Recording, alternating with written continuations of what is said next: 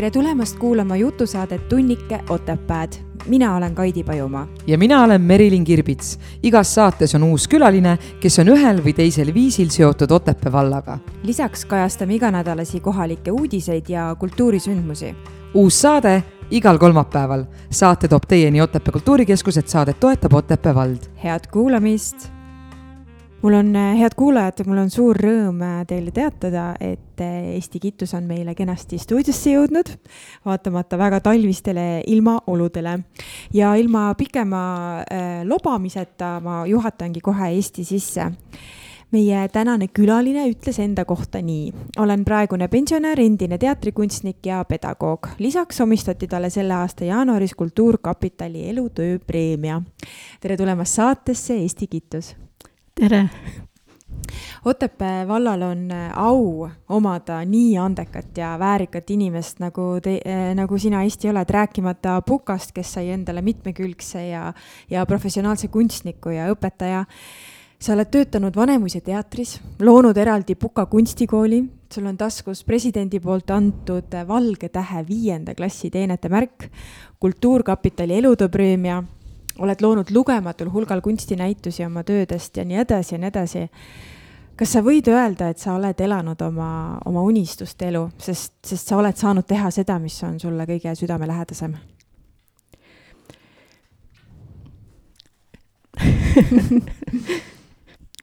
no no võib nii öelda küll, võib nii öelda küll jah, jah mm. -hmm kuigi ega ma ei osanud unistada kunstniku, kunstniku elukutsest. see kujunes välja lihtsalt niimoodi mm. -hmm. et äh, nii see on läinud, jah.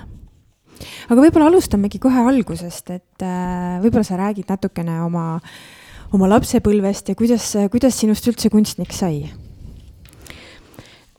no e, sünd, sünnikohaks on märgitud Tartu aga tookord elasid mu vanemad eh, talus eh, eh, Võrumaal ja aga selle talukoha nad müüsid, müüsid ära ja, ja lapsepõlv möödus mul Aakres mm -hmm. Oonal, kuhu ema tuli vett velskeriks noh, määrati tookord kolhooside ajal Aakre kolhoosi ja me elasime vanas Oona mõisamajas.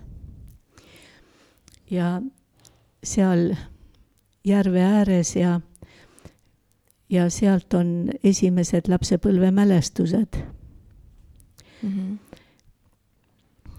aga, aga siis isa hakkas ehitama pukka meile maja ja mm, sellega seoses ma mäletan, räägiti, et ehitusmaterjali on parem saada kui e, mitmest, e, mitmest kohast, nii et ema läks siis Igastesse mm -hmm. tööle vettvelskrina ja mina läksin siis emaga kaasa.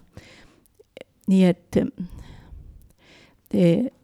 esimesse klassi läksin ma küll Aakre kuueklassilisse kooli tuhande üheksasaja viiekümne viiendal aastal. aga mm, viiekümne üheksandal eh, kolisime siis emaga Igastesse ja seal oli neljaklassiline kool ja seal ma siis olin, eh, mm, seal ma olin siis ühe aasta. ja siis eh, viiekümne üheksandast kuuekümne kolmandani olin siis Puka siis oli viiekümne üheksandal aastal eh, juba saime majja sisse kolida, noh, pooleli, pooleldi eh, valmisolevasse majja, aga sai juba sees elada ja siis tulin ma Puka kooli. ja Puka koolis olin siis kuni, eh, kuni kaheksanda klassi lõpuni. see oli tuhat üheksasada kuuskümmend kolm kuni tuhat üheksasada kuuskümmend kuus ja siis oli niimoodi, et, et äh, Pukas äh, äh, kaotati keskkool ära ja pidime minema siis valima omale kõik, see on nagu tänapäeval, kus on lapsi nii vähe ja mhm. keskkool kadus ära. ja siis valisime siis kohad, kuhu minna. ja, ja mina siis otsustasin minna Tartu Kunstikooli. No ma ei mäleta, kui palju ma, no ma ikka joonistasin jah, juba Pukas ja, ja ma sain Tartu Kunstikooli sisse nii et siis. seal olid katsed siis mingisugused? ja, ja, ja. mis sa olid... mäletad ka, mis sa tegema pidid? No seal olid, need on läbi aegade ühesugused katsed olnud kunstikoolidesse kogu aeg. joonistamises pandi ette mingi natüürmort mm -hmm. ja siis pidi maalima ka natüürmorti. ja, ja siis anti vist mingi kompositsiooni ülesanne ka mm. -hmm nii et sinna ma sisse sain ja siis hakkas e, Tartu Kunstikooli elu ja ja siis e, elasime ühiselamus ja sellest ajast on siis jäänud sellised sõprussuhted. nii et viiekesi, kes me tookord õppisime, õppisime kunstikoolis ühel kursusel ja ühes grupis, see oli pedagoogiline, pedagoogiline grupp, nendega me käime siiamaani läbi ja, ja ja teeme näitusi koos. nii et see on nüüd aastaid kestnud mm. -hmm. ja e, noh, nüüd oleme kõik juba kõrgkoolid lõpetanud ja, ja noh, pensionärid juba, aga ja elame üle Eesti laiali eri kohtades, aga kõigil on tuttavaid kusagil, nii et saab näituse e, aja ja kuhugi kultuurihoonesse kinni panna nii et meil on üle Eesti näitusi olnud, mina olen siin organiseerinud Valgas, Valgas ja Tartus. aga meil on olnud Tallinnas ja Kuressaares ja Viljandis ja Pärnus ja nii et see nagu hoiab nüüd vormis, et kui näituse aeg läheneb, et selleks ajaks ikka peab olema kolm-neli tööd välja panna. ja niimoodi grupiga näitust teha on, on lihtsam kui, kui üksinda, üksinda siis peab olema oma paarkümmend tööd valmis. aga üle hulga siis on niimoodi, et igalühel on kolm-neli tööd ja täidab näituse pinna ära. Et sa siis igapäevaselt praegu ka maalid? E, no nüüd ei ole, nüüd talvel ei ole maalinud, aga plaanis on, plaanis on jah ja mida sulle meeldib maalida, mida sa tavaliselt maalid? no tavaliselt maalin maastikke ja noh, viimased aastad oleme, oleme sõbraga käinud väga palju välismaal mm. -hmm. Ja nüüd siis neid välismaa muljete järgi, niikaua kui neid muljeid nüüd on veel, et siis neid neid maastikke. nii et tänavu aasta talvel oli, see oli eh, Tartus aastalõpu näitusele panin ma välja ühe Küprose maali, eh, kuidas üks vanamees sõidab eesliga eesli seljas mm. -hmm. et eh, aga praegu selline mm Äh, talv, nagu meil, meil tänavu aasta on, kas, kas see ka inspireerib sind või pigem sulle meeldivad mingid muud aastaajad? no ikkagi kevad nagu meeldib kõige rohkem mm, -hmm. et äh, kevadel on valgust ja energiat on rohkem ja, ja ja, ja kevadel jah, meeldib mulle rohkem mm. -hmm. Aga kui sa kunstikooli ära lõpetasid, äh, kuhu sealt edasi tee viis? kui ma ei lõpetanudki kunstikooli, ma tegin eksternina keskkooli lõpueksamid Tartu viienda keskkooli juures ja, ja tahtsin minna Tallinnasse Kunstiinstituuti mm. -hmm. ja see mõte tuligi mul sellest, et, et meil sellised sümpaatsed poisid, Tõnu Virve ja Rein Tammik, nemad tahtsid minna instituuti ja Mhm. mina siis nende järgi.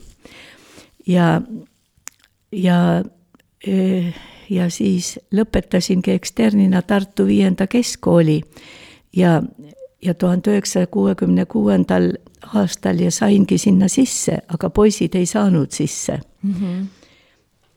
Aga poisid, Tõnu Virve em, hiljem sai pedagoogilisse instituuti ja, ja Rein Tammik siis sai ka hiljem ikkagi kunstiinstituuti maaliosakonda ja lõpetas selle.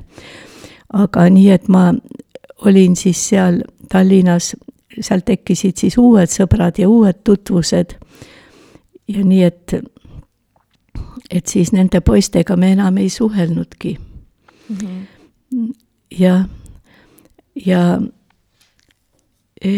ja noh, see Kunstiinstituudi aeg, see muidugi oli omamoodi põnev, aga jälle ühiselamuselu ja, ja noh, see nagu kasvatas iseseisvust ja aga ma mäletan, et ühiselamus oli niimoodi, et noh, kodust saadeti, kodust saadeti eh, pakke Mm -hmm. kas moosipurk või, või noh, siis kõigil olid oma söögikapid. ja siis ostsime sinna suhkrut ja, ja vahel siis vaatasid, et suhkrukott on päris tühjaks saanud.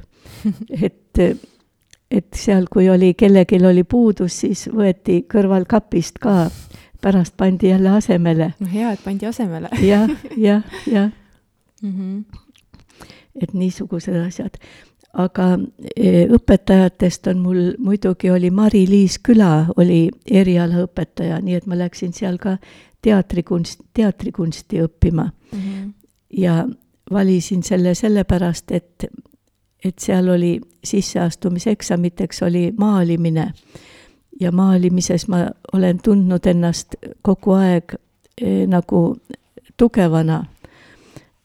jah eh,, ja aga see Mari-Liis Küla oli muidugi väga särav isiksus, nii et ta oli juba välimuselt väga efektne ja hoolitses enda eest ja nii et kui tema majja tuli, siis see plisseeritud seelikusaba välkus ja see oli juba kuskil koridori lõpus ja aroom eh, õljus tagantjärgi.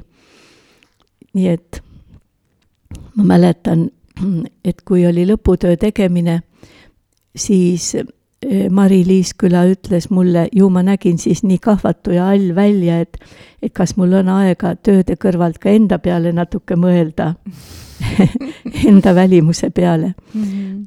et see on nagu meelde jäänud mm. -hmm. E, aga e, noh, tööle, tööle läksin ma siis Vanemuise teatrisse ja see oli ka Mari-Liis Küla soovitusel ja tema oli seal just teinud inimese tragöödia la-, lavastuse mm. -hmm. ja, ja Vanemuises oli üks kunstniku koht oli tühi ja taheti sinna lisaks Meeri Särele ja, ja, ja Renterile taheti ühte inimest juurde sest Liina Pihlak oli Tallinnasse läinud ära. ja, ja no vot, ja nii ma siis sinna Vanemuisesse sattusingi mm. -hmm. kas sa mäletad ka oma kõige esimest lavastust ja seda tunnet? ja, ja, ja minu esimene lavastus oligi Enrico sada mm. -hmm. selle, selle kavandid oli minu lõputööks ka, instituudi Aa, lõputööks mm. -hmm. ja see oli muidugi väga suur, see oli muusikal nii et see oli väga suur lavastus ja seal olid kostüümid läbi saja aasta oh.. jah, et seda küla ütles mulle, et selline asi juhtub ükskord elus, kui üldse juhtub. et niisugune lavastus tuleb kujundada mm. -hmm. Kas sa tol hetkel kahtlesid ka, et kas sa saad hakkama või kas sa oled ikka piisavalt andekas või originaalne, et need on just nagu tänapäeva inimeste mured, et kogu aeg on vaja anda endast maksimum ja pidevalt kaheldakse ja ollakse nii enesekriitilised, et kas toona olid ka sellised mõtted? no see hirmutunne oli küll. Ja no ma mäletan, et, et valgustuse osas ei olnud mul üldse teadmisi, sest see, mis teoreetiliselt räägiti, see oli, see oli hoopis midagi muud, mis elu kujundas mm. -hmm. nii et kui ma läksin teatrisse, ma ei kujutanud ette, mis mind seal ees ootab mm. -hmm. ja ma ei osanud nagu kartagi, et seal oli noh, suur hirm oli Kaarel Irdi ees mm. -hmm. sellest on küll, olen ma küll kuul-, lugusid kuulnud ja. ja, ja, ja aga Kaarel Ird algul suhtus minusse väga hästi ja ütles, et jah, et selle tüdruku me võtame mis sa arvad, millega sa talle muljet avaldasid? E, vot ei tea, millega ma avaldasin muljet mm, -hmm. seda ma ei oska öelda. aga pärast e, e, sakutas ta mind üsna kõvasti. Et noh, ei meeldinud talle see ja teine ja kolmas mm. -hmm aga õnneks eh, kujunesid mul suhted noore lavastajaga Jaan Toomingaga mm, -hmm. kellega eh, on mul, oligi mul põhiline koostöö terve see Vanemuise aeg. ja nii, et siis Tooming kaitses mind, et nagu Vanemuises, et ma olin nagu vanajumala selja taga minul on ka au olnud äh, Jaan Toomingaga kolm lavastust teha. Äh, harrastusteatris küll, äh, nüüd, nüüdisajal viimase kolme-nelja aasta jooksul. et Aha. mina, mina tean nagu Toomingat nüüdisaegselt, et milline ta noorena oli? noh, ta oli niisugune väga aus ja, mm, ja usaldav mm. -hmm. ja ma mäletan, et, et tema kunagi ei kritiseerinud ei lavastajaid ei, minu töösse ei suhtunud kriitikaga, ei mm. -hmm. ta oli alati poolehoidev. et just, just täpselt nii mm, -hmm. nii olid tema sõnad. et mm -hmm. ta oli väga julgustav ja, ja tal olid omad ideed. ja noh, nendega tuli siis arvestada mm. -hmm. aga need andsid mulle ka palju sellist uudsust juurde ja nii et. aga see, see esimene lavastus, et kas sa mäletad ka, mis oli selline kõige, noh, lisaks valguse kujunduse loomisele, et mis oli selline kõige peadmurdvam või konti murdvam tegevus, mis kõige rohkem hirmu tekitas sinus? no võib-olla see lavakujundus, et kuidas see välja tuleb mm. -hmm. aga see lahenes kõik kuidagi märkamatult mm. -hmm.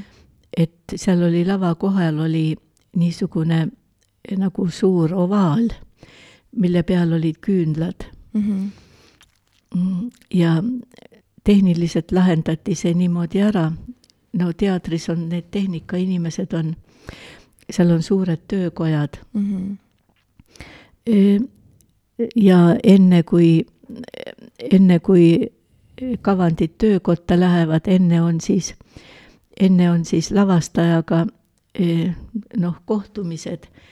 Eh, tookord oli lavastajaks Epp Kaidu mm. -hmm. ja noh, kõigepealt on siis niimoodi, et, et teen nagu paberi peal visandid, sellised kriipsujukud ja mm, -hmm. ja mhm. siis eh, lähen lavastajale näitama ja siis arutame ja siis paari nädala pärast lähen uuesti juba täiustatud kavanditega mm. -hmm. ja siis võib-olla kolmas kord, kui on juba päris valmis.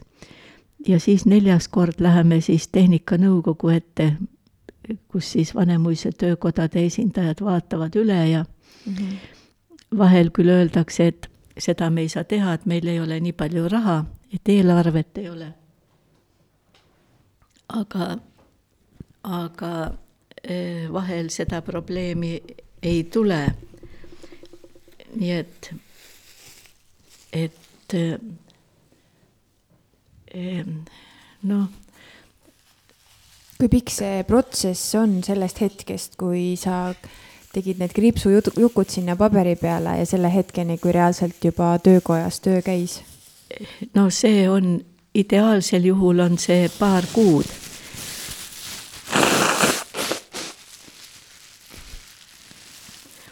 Aga tavaliselt nii palju aega ei jätku, et ikkagi on kiiremas korras. no ütleme, et kavandite algusest kuni, kuni selleni, kui nad töökotta lähevad, kuskil kuu aega ikka peaks olema mm. -hmm. kuu aega ikka, jah. aga kuidas see mind hästi huvitab, et kuidas see loominguline protsess sinus nagu käib, et äh, kui sulle antakse see materjal ette, et nüüd me teeme sellist näidendit, lavastaja on selline, sisu on äh, noh, kas siis sa oled ise selle näidendi läbi lugenud või tehakse lühikokkuvõte, et mis siis, mis siis järgmisena sinus äh, toimuma hakkas, et kas mõni näeb unenägudes seda pilti või mõnel tekivad nii-öelda ilmsi mingid pildid ette või kuidas, kuidas see loominguline käik sinus oli? No minul tekib ka, kõigepealt tuleb ikkagi mingi, mingi ettekujutus. E, no tihtilugu on seal ka juba e, kirjeldatud, et mis, et e, mis seal lava peal peaks olema. ja, ja siis hakkan materjali otsima, kui on ajalooline lavastus või aitäh, aitäh.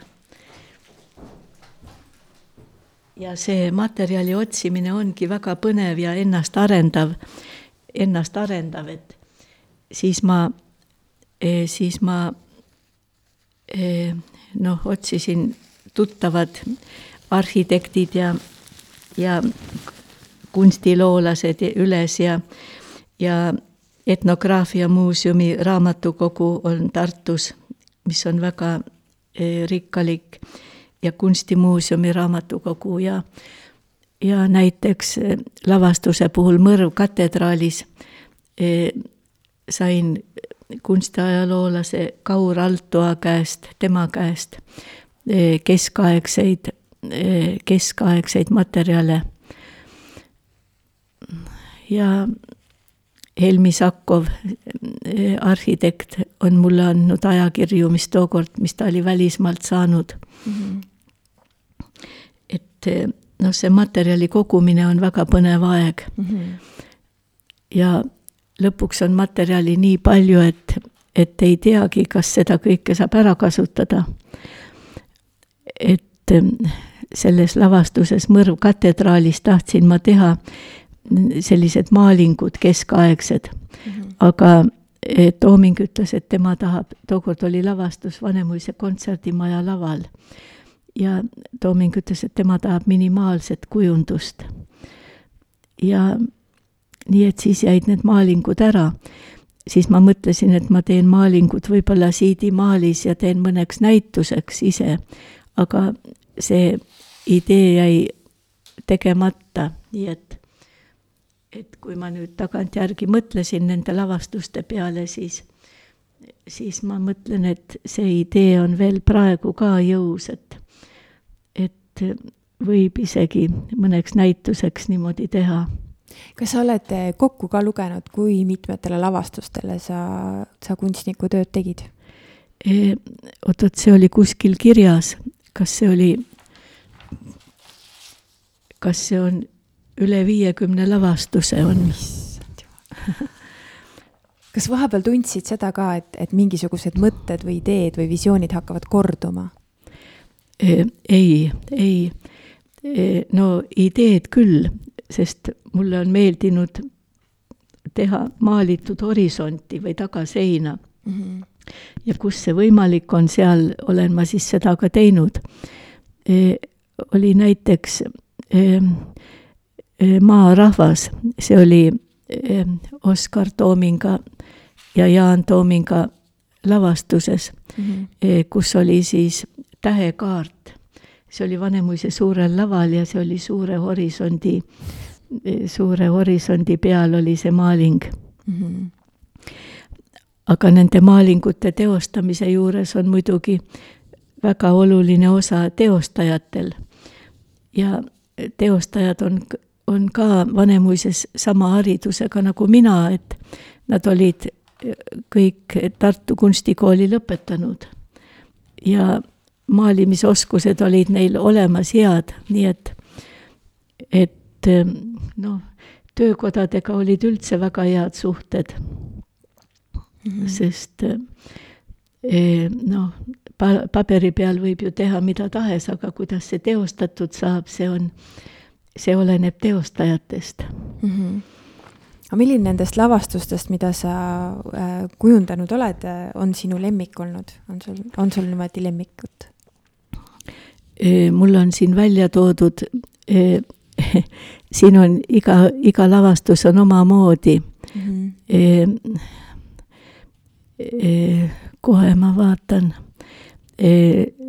tuhat üheksasada seitsekümmend seitse Kitzbergi Kauka jumal mm. -hmm. seal oli suur kangas, riidekangas, mis sai nagu telgina üles tõmmatud. ja see oli too korral, tol korral noh, niisugune uudne, uudne nähtus ja see mulle meeldis, et sellepärast mm, siis, siis Ehm,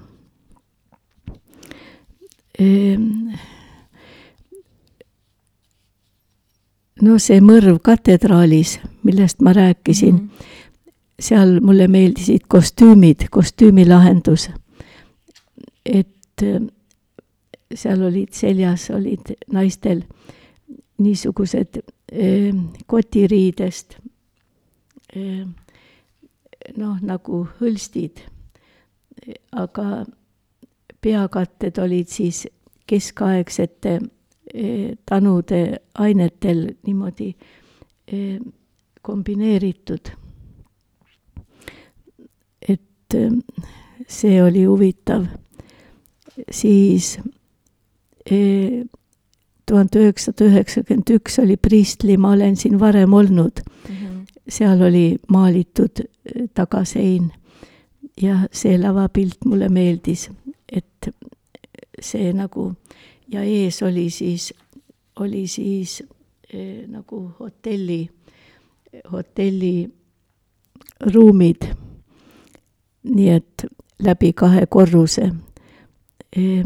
et selline, seal oli üks lava, lava ei muutunud, aga valgusega sai seda horisonti muuta, kord oli siis nagu tõusva päikesega ja kord oli siis ööpilt mm. -hmm. aga kas, kas mõne lavastusega oli niimoodi ka, et, et äh, see läks käiku, aga sa tundsid, et see ei olnud sinu parim töö ehm,? see ei olnud nagu ise rahul justkui ehm,? no võib-olla, et me sõidame Torontosse tuhat üheksasada üheksakümmend kolm, mhm. et et eh, seal ei osanud ma, eh, seal oli niimoodi, et tuli auto, auto, autos naised sõidavad, aga, aga seal see autolahendus ei tulnud mul nii välja, nagu oleks pidanud. ju ma seda tehnika asja ei tundnud nii hästi mm. -hmm. Ja. sa töötasid Vanemuises tuhat üheksasada seitsekümmend kaks kuni kaks tuhat kolm, kolmkümmend üks aastat. minu jaoks mm. tundub see täiesti ulmeaeg. et mis on ja. selline ühel kohal töötamise võti ja kas sa tundsid nagu olukordi ka, et sa oled läbi põlemas? ei, seda, seda mõtet ei olnud, et läbi põlemas ja noh, et selle võtmeks oli võib-olla see koostöö lavastajaga et äh, ma teadsin, et kui ta midagi teeb Vanemuises, et siis ta valib kunstnikuks mind mm. -hmm. ja see andis kindlustunde. ja siis, kui ma nägin, et lavastusi ei ole, aga mul kuupalk jookseb, siis ma eh, tegin eh, näitlejatest neid personaalnäitusi, kujundasin wow et eh, siis tuli valida fotod arhiivist mm -hmm. ja nende suurendused teha ja siis noh, kuidas seda kujundada ja need planšetid ja mm -hmm. et selline, aga aga viimases lõpus eh,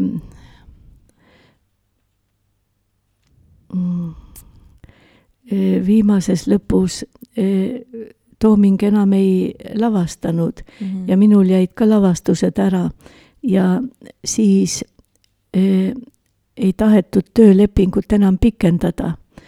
ja mina kauplema ka ei läinud sinna manguma, et, et ikkagi, et mind alles jäetakse ja, ja siis mul tuligi mõte, et, et tulla maale kuna vanemad olid surnud ja maja oli seal tühjana seisis.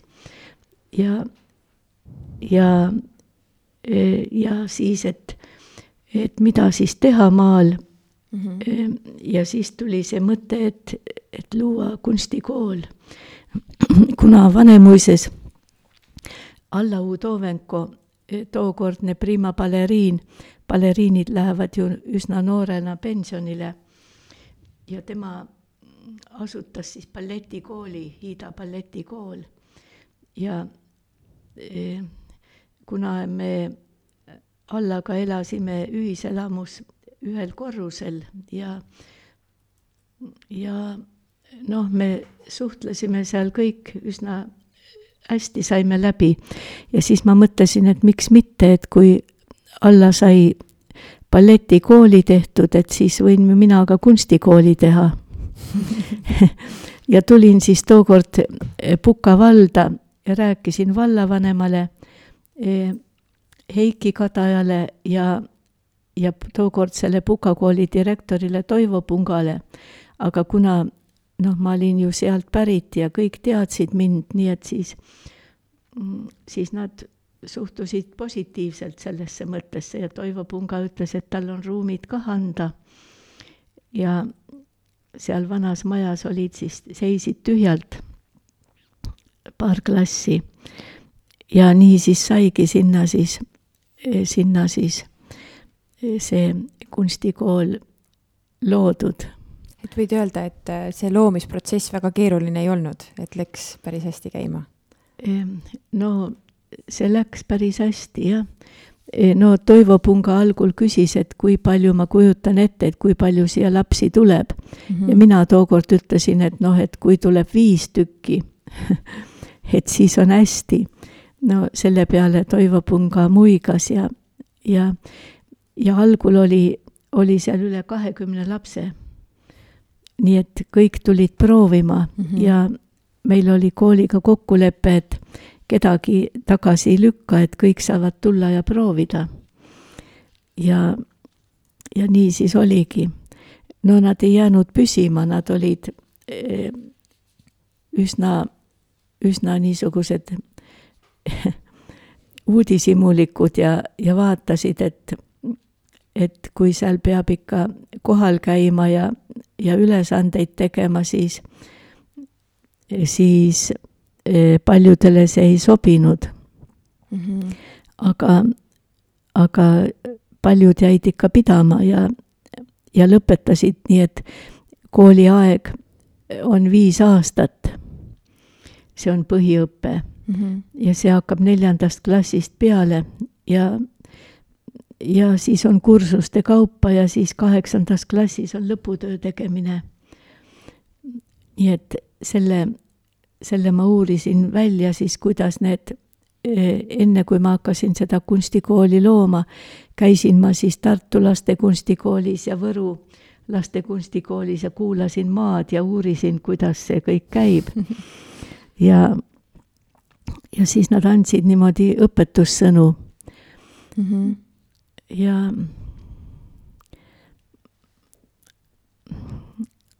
ja nii, et nüüd on esimene, esimene lõpetajate ports oli neli, neli õpilast. aga hiljem enam nii palju ei ole olnud. mõni aasta on üks, mõni aasta on kaks olnud mm. -hmm. tänavu aasta kevadel olid kaks poissi, kes lõpetasid. Nad tegid maalid ja, ja nüüd ma siis juhendan ühte tüdrukut, kes tegi lõputööks ta kirjutas lasteraamatu ise uh. -huh. kanaraamat. ma nüüd ei tea, kuidas päris lõplik pealkiri tuleb, aga mm, -hmm. aga see on jah, selline muinasjutuline ja, ja siis sinna teeb ta illustratsioonid mm. -hmm. nii et nendega me töötame. mis see noortega tegelemine sulle annab, miks sa seda teed? no see hoiab vaimu värske, et noh, siis ma tunnen, et ma, et mul on teadmisi rohkem kui nendel ja ja oskan siis öelda, e, arvamust avaldada mm -hmm. seal nende tööde kohta mm. -hmm. kas, kas sulle tundub, et, et noored on muutunud äh, selle ajaga, kui, kui sina ise laps või noor olid, et kas see suhtumine kunsti või kunsti nägemine on kuidagi teistsugune, kui, kui oli sinul noorena? no meie olime tookord kõik tagasihoidlikumad ja, ja suhtusime sellise mm, noh, austusega nagu ja kunst oli au sees tookord mm. -hmm. aga nüüd eh, tänapäeval on rohkem eh, noh, edasi õppima minnakse eh, äri ja, ja suhtekorraldust ja, ja niisugust mm -hmm. asja mm. -hmm et vot see on mulle uudne mm. -hmm. aga milliste õpetuste järgi sa oma töös juhindud? Noori, noori juhendades, millest sa lähtud? no iga aine puhul on see erinev. Mm, -hmm. et noh, joonistamises esialgu kooli ajal on ikkagi jäljendamine. Et kui õpid jäljendama, noh, joonistama, joonistamises natüürmorti või kui sa oskad kannu või kaussi teha usutavalt joonistada mm, -hmm. siin on abiks suuresti valgus, et kustpoolt valgus paistab. valgus on alati soojemate toonidega ja vari on külmematega. Mm, ja no ja siis langev vari, mis värvi siis langev vari on ja langev vari on ka alati külmemate toonidega. et ähm,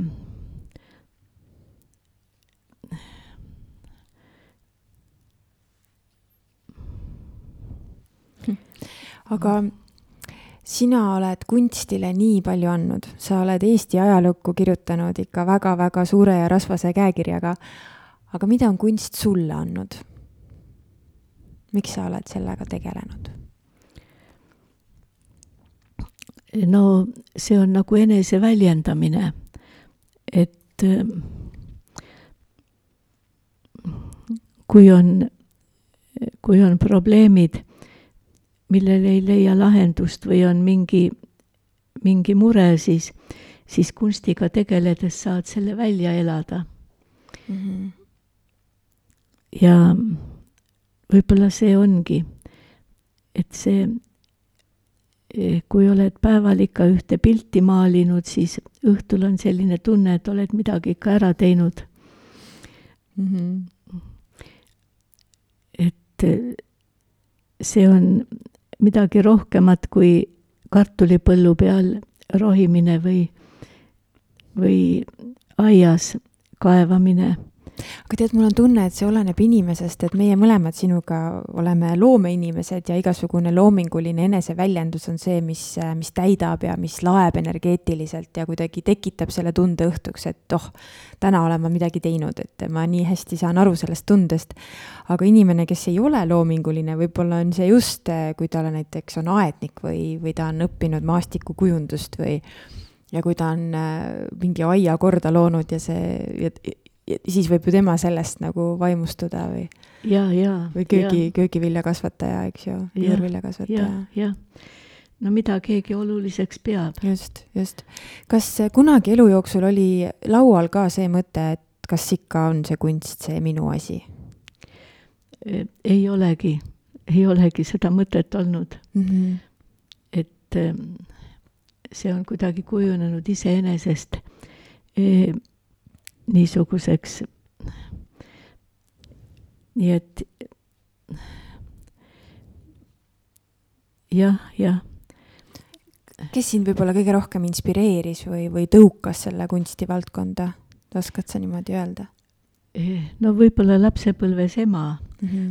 et eh, temal oli selline loomulik, loomulik kunstianne Mm -hmm. no vot, tema kujundas aeda Mm -hmm.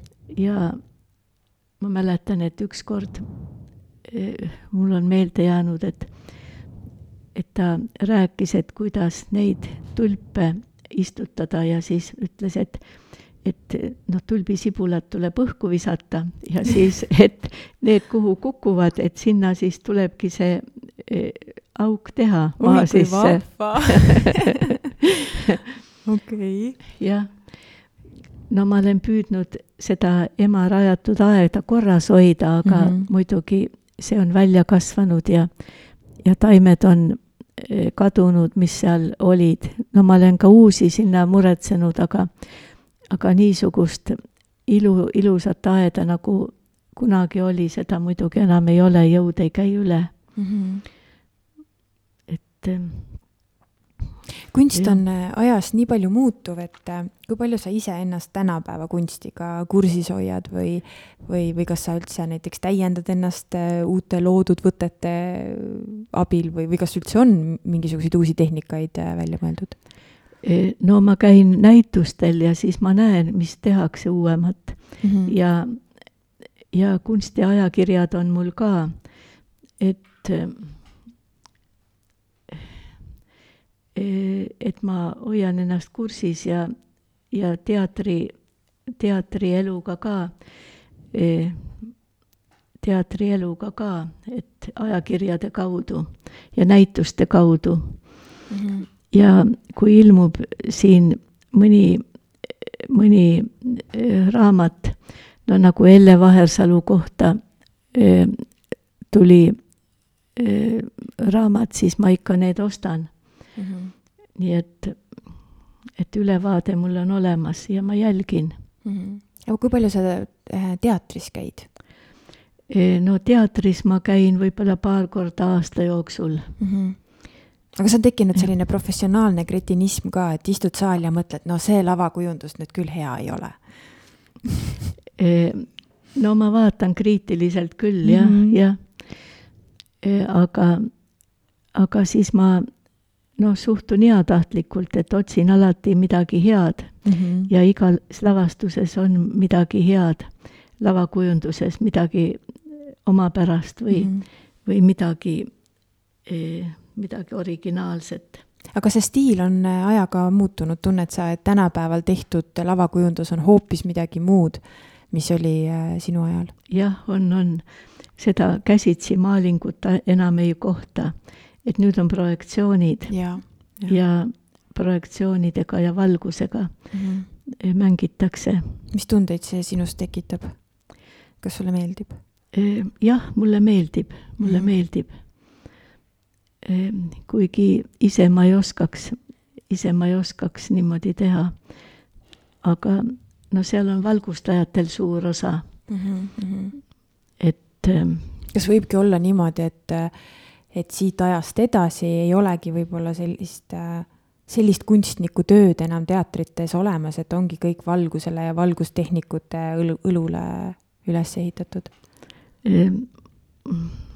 jah, jah, ja rohkem tehnilisele taibule mm. -hmm. et kuidas, kuidas poodiume eh, panna ja, ja need eh, noh, puust ehitused.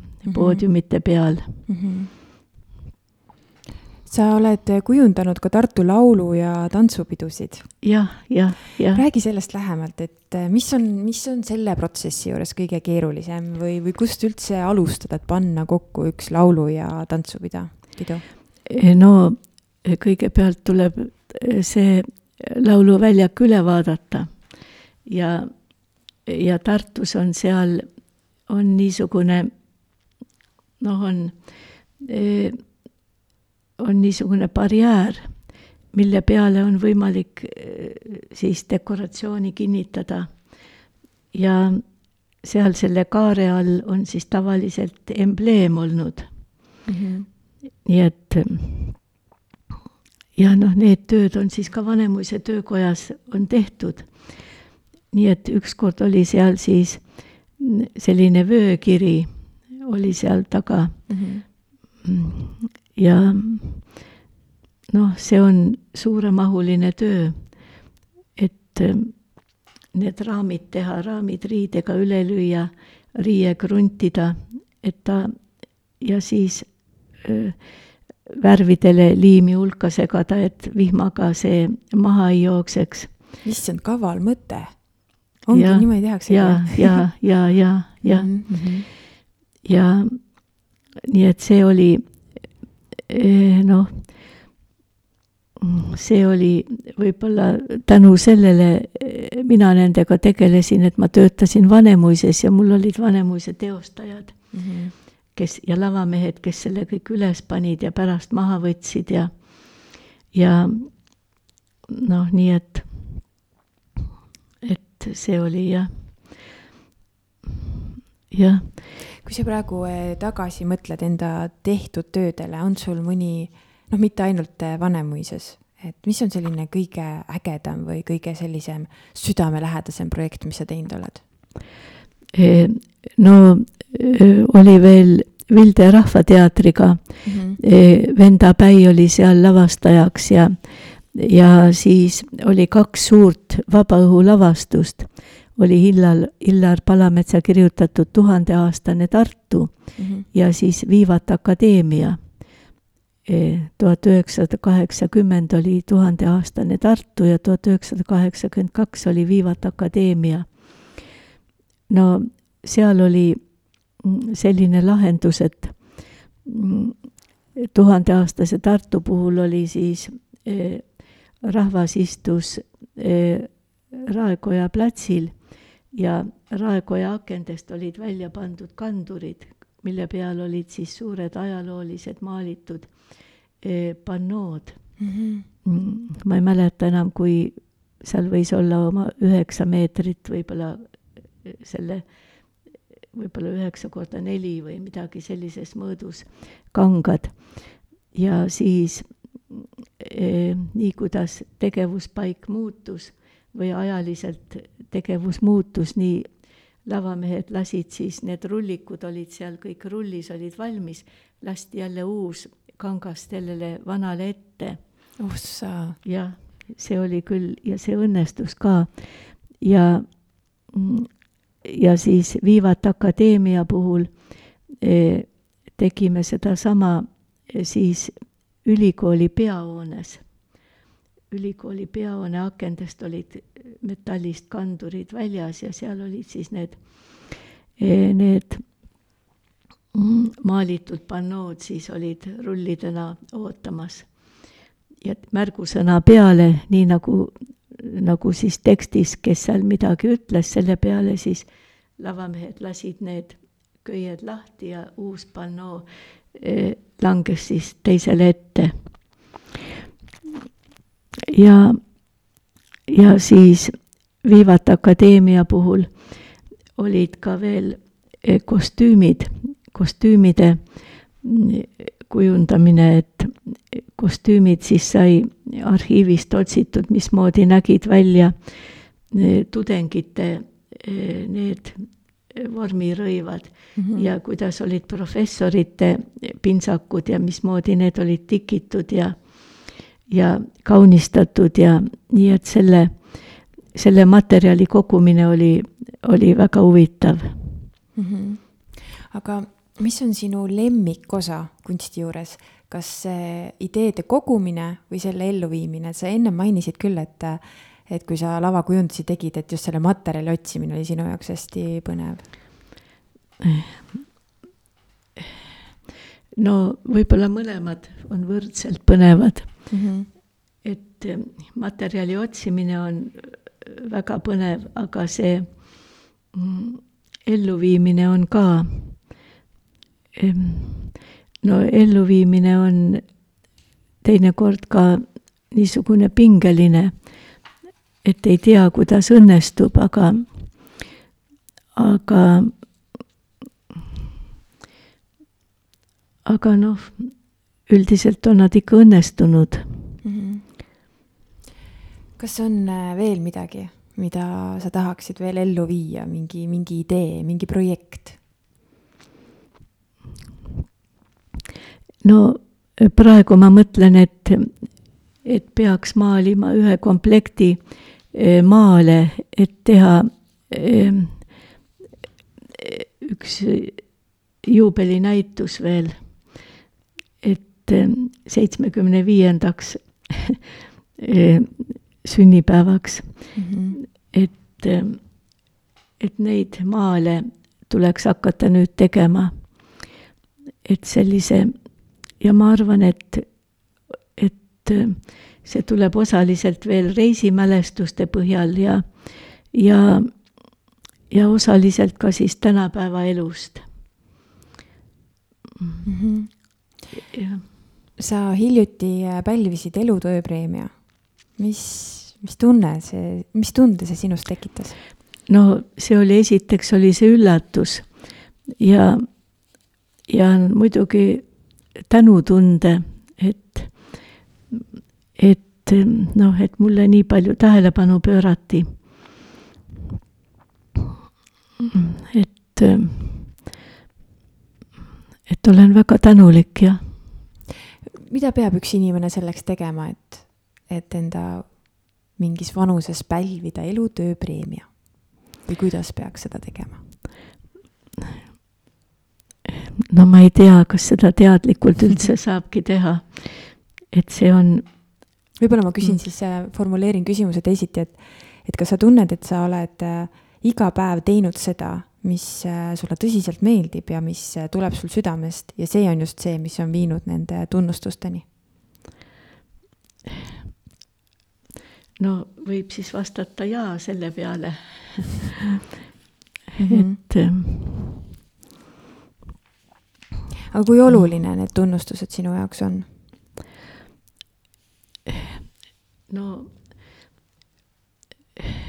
no väga olulised, no see nagu nüüd kohustab isegi eh, jätkama, et mitte ei lase ennast lonti ja ei kõnni toatuhvlitega ringi mm. -hmm. vaid. hoiab vaimu värskena. hoiab vaimu värskena, jah kas sa kunagi mõtlesid ka selle peale, et olla ainult kunstnik, ilma et sa peaksid kellegi teise ideid ellu viima?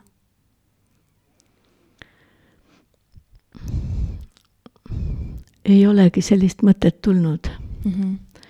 et ähm, kuidagi on seda rada läinud ja, ja, ja nii see jätkub mm. -hmm. ja sa ennem ütlesid, et sulle meeldib maalida maastikke. kust sa veel inspiratsiooni kogud? no fotode pealt, et ma vaatan, kui on mõni, näen mõnda huvitavat vaadet ja siis ma juba vaatan selle pilguga, et, et noh, kuidas seda maalida mm. -hmm. ja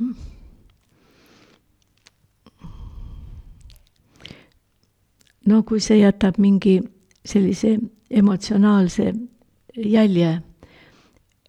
et on mõni maastik selline, mis, mis tõesti huvitab ja, ja pakub. et on no näiteks mõni suvehommik, kui on valgused väga huvitavad, varajane hommik või õhtul, kui on juba sinised toonid. nii et mulle väga meeldib see videviku aeg.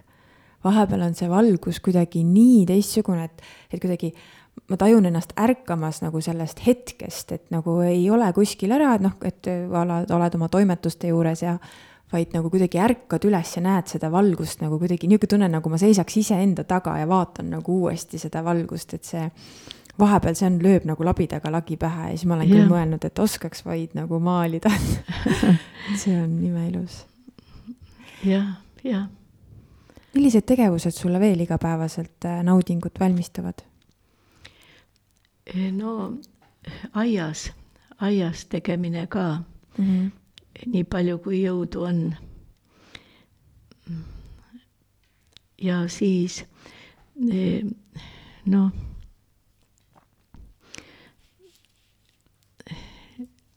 ja siis näituste jaoks, et Pukas eh,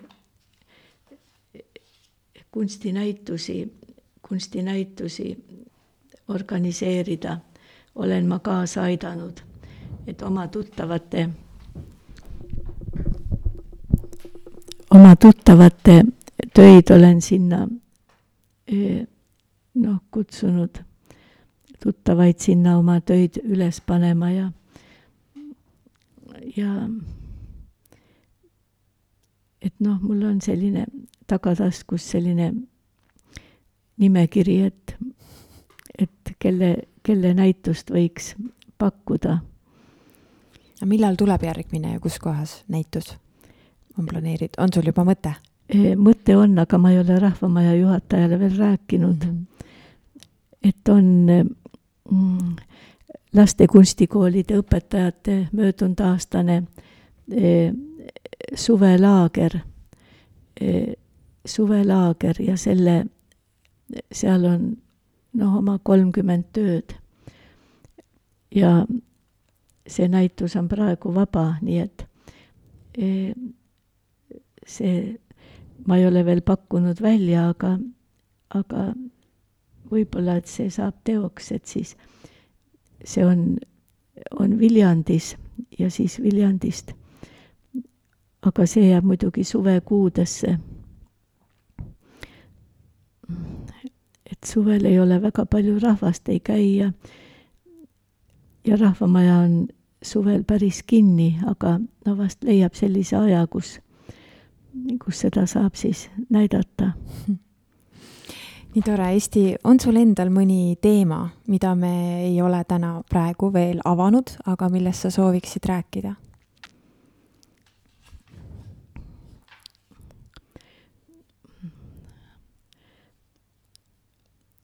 No rohkem nagu ei oska.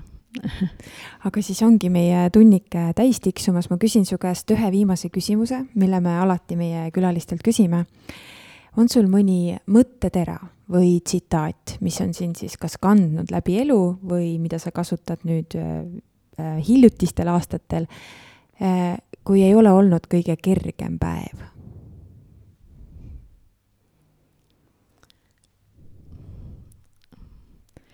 No kui ei ole kõige kergem päev, siis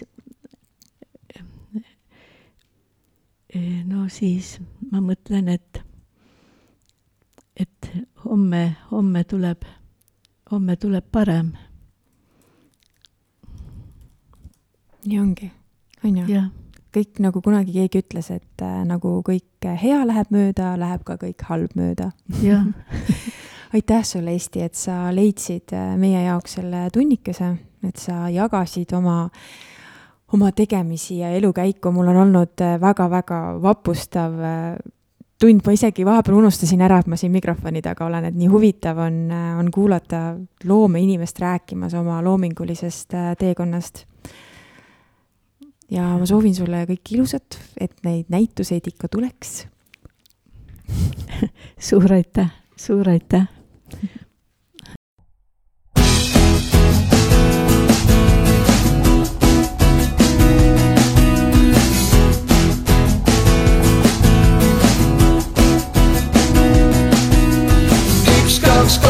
sealt tema läheb, et tal on kuldsed juuksed ja maagiline pilk.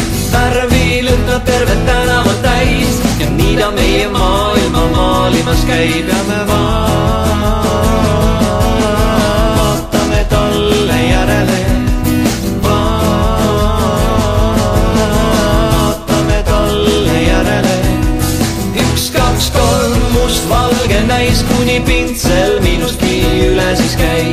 nüüd minu maailm värve on täis. Ja nii ta meie maailma maalimas käib ja me vaatame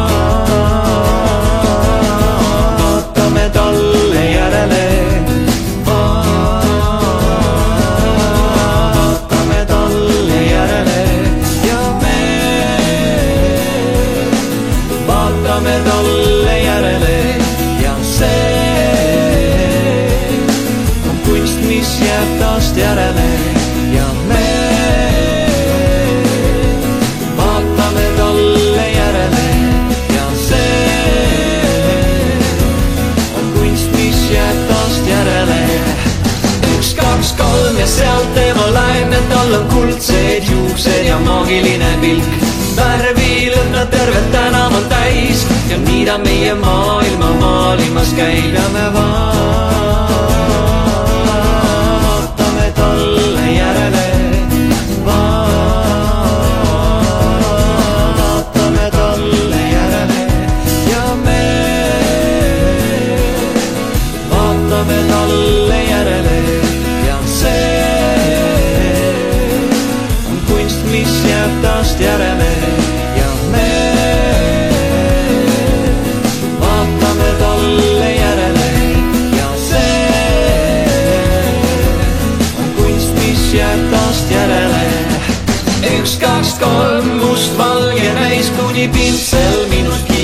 siis käis ja nüüd minu maailm värve on täis ja nii ta meie maailma maalimas käib. nüüd minu maailm värve on täis, maailm värve on täis, nüüd minu maailm värve on täis, maailm värve on täis.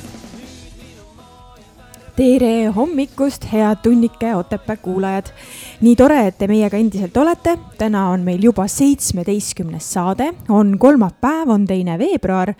uskumatu, et on juba veebruar, see jaanuar läks kuhugi äh, täiesti, ma arvan, et sinna, kust tuleb tolm ja raha läheb umbes sinna kanti et ma ei kujuta ette, mis sellest aastast edasi saab, kui äh, nii kiiresti kõik need äh, kuud lähevad. aga öeldakse, et kui sa naudid seda, mida sa teed, siis sa ei saa aru, äh, et sa päevagi, päevagi oleksid töötanud, nii et mul on tunne, et, et olen õigel rajal, teen õigeid asju, sest aeg tõesti lippab kiiresti ja selline tunne, et tööd teeks, on ikka väga harva.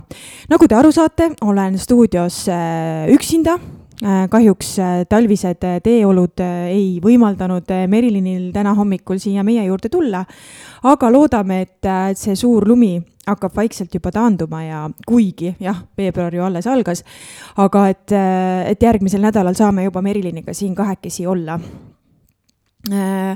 ma loodan, et teile väga meeldis meie tänane saatekülaline. Eesti on täiesti vapustav inimene ja kui, või no üleüldse seda Tunnike Otepääd saadet tehes ma, ma näen, kui palju ägedaid inimesi meie ümber on. ja see võlub mind ikka ja jälle näha, kuidas, kui inimene on oma kutsumuse või oma tee leidnud ja teeb seda südamega, siis, siis see läheb ka südametesse ja, ja kõik, mis selle loomingu käigus sünnib, on, on lihtsalt väga-väga vapustav ja, ja, ja südant liigutav. aga liigume nüüd siis uudiste ja meelelahutuse ploki juurde nimelt sihtasutus Valgamaa Arenguagentuur kutsub ettevõtteid ühinema, siin on Covid-19 turvaline tarbija märgisega. Covid-19 turvalisuse märgise eesmärk on suurendajate külastajate usaldust turismiteenuste pakkujate vastu.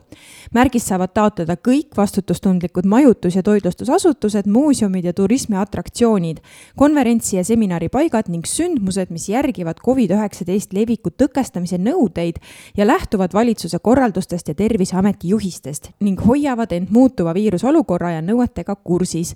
rohkem infot Otepää valla kodulehelt otepaa.ee alates kahekümne viiendast jaanuarist on Otepää vallavalitsuses tööl lastekaitsespetsialist Laura-Liis Õnneleid, kelle tööpiirkonnaks on Puka ja Sangaste piirkond. lastekaitsespetsialisti peamisteks tööülesanneteks on lastekaitsealase töö elluviimine lastekaitse küsimustes, lastekaitse probleemide ja lastekaitsealaste pöördumiste lahendamine ja vanemliku hoolitsuseta laste ja erivajadustega laste hoolekande korraldamine. kes soovib rohkem infot Õnneleid kohta või temaga kontakte, või tema kontakte, siis leiab need Otepää valla kodulehelt otepaa.ee kahekümne seitsmendal jaanuaril langetas valitsus otsuse, et neljakümne kaheksas Tartu maraton saab eriloa ning kahekümnendal veebruaril lubatakse kahe distantsi peale kokku osalema kuni kuus tuhat inimest. suursündmuse korraldajad on koostöös Terviseametiga koostanud ohutusplaani, mille abil maandatakse sündmusel osalemise riske maratoni eelsündmused Avatud rada ja teatemaraton toimuvad kolmeteistkümnendal veebruaril. Tartu maratoni lastesõidud toimuvad Tartu Tähtvere spordipargis üheksateistkümnendal veebruaril. rohkem infot Otepää valla kodulehelt otepaa.ee hajaasustuse programm on avatud esimesest veebruarist kuni esimese aprillini. toetatavad tegevused on majapidamises joogivee kättesaadavuse tagamine, elamu heitvee nõuetekohase kanaliseerimist tagava süsteemi rajamine, aastaringselt ligipääsetava juurdepääsutee rajamine, leibkonna vajadustele vastava autonoomse elektrisüsteemi rajamine, tingimusel, et majapidamine ei ole liitunud elektrivõrguga programmi materjalid on saadaval aadressil www.rtk.ee taotlemisest nii palju, et taotlus esitatakse allkirjastatuna paberil või digitaalselt kohalikule omavalitsusele. taotlusi võetakse vastu kuni esimese aprillini. vajalik on vastavalt valdkonnale kaks võrreldavat hinnapakkumist. programmi tingimuste kohta leiate rohkem infot Otepää valla kodulehelt tarbijakaitse ja Tehnilise Järelevalve Amet on pannud kokku materjali, kus vastatakse korduma kippuvatele küsimustele, mis seotud elektritarbimise ja elektrilepingutega. ühtlasi saab näha tabelist, kui suur võib olla koduste elektriseadmete tarbimine ja millise rahalise kuluga tuleks nende puhul arvestada. lisatud on ka kümme lihtsat soovitust, kuidas kodust elektritarbimist paremini juhtida. rohkem infot Tarbijakaitse ja Tehnilise Järelevalve Ameti lehelt www.ttja.ee Otepää vallavalitsus pakub tööd ettevõtlus- ja arendusteenistuse juhatajale. kandideerimiseks saata hiljemalt üheteistkümnendaks veebruariks avaldus koos kinnitusega, et ei esine ametniku teenistusse võtmist välistavaid asjaolusid. CV, motivatsioonikiri ja haridust tõendava dokumendi koopia aadressile Otepää vallavalitsus, lipuväljak kolmteist Otepää või e-posti aadressile vald.otepaa.ee rohkem infot kandidaadi nõudmiste ja peamiste ametiülesannete kirjelduse kohta leiad Otepää valla kodulehelt otepaa.ee Otepää kultuurikeskused kuulutas välja konkursi Otepää valla riimkroonika kaks tuhat kakskümmend kaks. konkursi eesmärk on innustada inimesi ennast väljendama ja neid ümbritseva eluolu kohta arvamust avaldama. lisaks jäädvustame seeläbi Otepää valla ajalugu. konkursi korraldamiseks on andnud inspiratsiooni Oskar Kruus oma samanimelise luuleteosega. samuti iga-aastane Otepää valla jõuluvanade kokkutulek, kus lauldakse vanal heal viisil möödunud aasta põletavatel teemadel riimkroonika sisu ja tingimused on järgmised. see peab olema ümbritseva eluolu kajastus, kirjutaja jaoks olulistel teemadel, teemade positiivsed ja negatiivsed küljed, autor võib loomulikult esitada ka mitu luuletust ja vanuseline piirang puudub. laekunud tööde hulgast valib žürii kolm paremat ning lisaks antakse eriauhindu. tänu sündmus toimub aprillis luuletused saata e-postile kaidi.pajumaa.otepaa.ee hiljemalt kolmekümne esimeseks märtsiks. Ja ära unusta oma töö juurde lisada enda nime, vanust ning kontaktandmeid. Kultuuri ja meelelahutuse valdkonnas siis äh, on meil järgmised sündmused siin nädala jooksul toimumas, päris, päris palju on muidugi igasuguseid äh, spordiüritusi, aga vaatame siis järjekorras kolmandal veebruaril Puka kultuurimajas kell kaheksateist null null töötuba pudeli kaunistamine Kullingu tehnikas. palun võtta kaasa käärid, PVA liim, pintsel ja tühi pudel või vaas, soovitav ilusa kujuga vaas ja pane ennast töötuppa kirja. ainult registreerimine garanteerib sulle vajalikud materjalid, kohtade arv on piiratud, orienteeruv töötoa kestvus on poolteist tundi. osalustasu kolm eurot. lisainfo kultuurikorraldaja Katrin Uhverti käest telefonil viis viis viis kolm kolm viis, kuus, neli laupäeval, viiendal veebruaril kell üheksa null null Tehvandi spordikeskuses toimub Alexela noorte suusasari kaks tuhat kakskümmend kaks kolmas etapp, korraldab Eesti Suusaliit viiendal ja kuuendal veebruaril algusega kell üheksa toimub Vidrike külamaja Baltic Cup kaks tuhat kakskümmend kaks kolmas etapp Väikse Munamäe spordinõlval, kavas mäesuusavõistlus. korraldaja on Tartu Slalom, Eesti Suusaliit ja Läti Suusaföderatsioon.